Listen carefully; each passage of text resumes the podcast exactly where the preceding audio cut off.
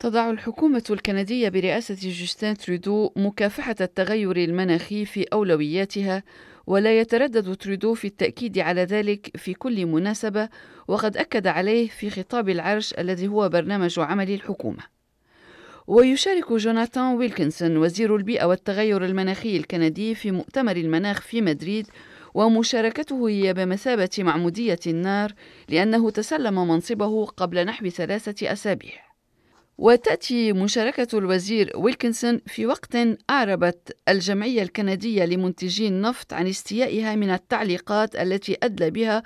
ويلكنسون قبل توجهه إلى مدريد والتي تتعلق بصادرات كندا من الغاز الطبيعي المسال. ففي حديث لصحيفة The Globe and Mail بدا كما لو أن الوزير ويلكنسون قضى على آمال منتجي النفط في أن تكون صادرات كندا من الغاز الطبيعي المسال بتقنية الاحتراق النظيف تحتسب من ضمن أهداف كندا لخفض الانبعاثات من خلال أحكام التعاون الدولي بموجب المادة 6 من اتفاقية باريس للمناخ الموقعة عام 2015 لكنه لم يتم في الواقع الانتهاء من تفاصيل المادة في باريس ولا في مؤتمر بولندا عام 2018 ومن المتوقع وكما هو حاليا يجري بالفعل أن تتم بلورتها خلال مؤتمر مدريد.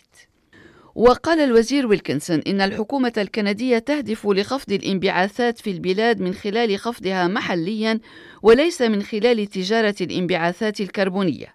ولكن تيم ماكميلان رئيس الجمعية الكندية لمنتجي النفط يرى أن المادة 6 تمثل فرصة ليكون قطاع الطاقة الكندي طرفا في الجهود العالمية للحد من انبعاثات الغازات الدفيئة. يقول الوزير ويلكنسون في حديث لتلفزيون CBC هيئة الإذاعة الكندية من مدريد إن مختلف الأطراف تعكف على الكثير من الملفات في المؤتمر من بينها المادة 6 ويشير ردا على سؤال إلى أنه تم تحقيق بعض التقدم بشأن المادة 6 من اتفاق باريس وما زال هنالك بعض الوقت أمام المشاركين في المؤتمر ويضيف وزير البيئة الكندي بالقول I can't guarantee we're going to get there, but we're certainly going to try uh, as hard as we can to push in that direction. I think Article 6 is very important, but it, it must be done in a way where the rules will have integrity, where it will be transparent, where there's no double counting, where we can all have confidence that when emissions reductions are being accounted for, لا يمكنني أن أضمن أننا سنتوصل إلى اتفاق ولكننا سنبذل أقصى الجهود لتحقيق هذه الغاية لا سيما أن المادة 6 بالغة الأهمية. وينبغي أن يجري ذلك بطريقة تكون فيها القواعد التي يتم احتساب خفض الانبعاثات على أساسها قائمة على النزاهة والشفافية قال وزير البيئة والتغير المناخي الكندي جوناثان ويلكنسون.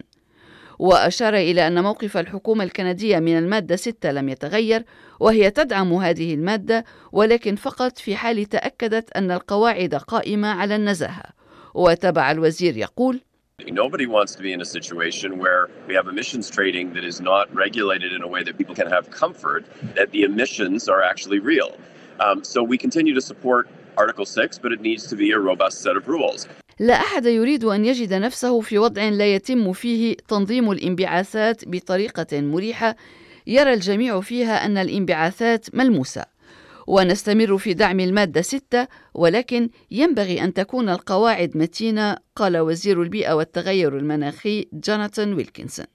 وردا على انتقاد الجمعية الكندية لمنتجي النفط له قال وزير البيئة والتغير المناخي إنه ينبغي وجود قواعد صريحة يتم من خلالها تحديد كميات الانبعاثات وأضاف Before you talk about any particular kind of commodity, whether it's LNG or anything else, you have to have the rules in place. And I've been very clear that Canada wants to get to a situation where we have those rules um, and that they are robust rules so that we can actually engage in the kinds of emissions uh, reduction activities that would be permitted under Article 6. عندما نتحدث عن أي نوع من السلع أكان الغاز الطبيعي المسال أو سواه ينبغي أن تكون القواعد متوفرة وقلنا بوضوح إن كندا تريد أن يتم التوصل إلى هذه القواعد المتينة لتلتزم بخفض الانبعاثات بموجب المادة 6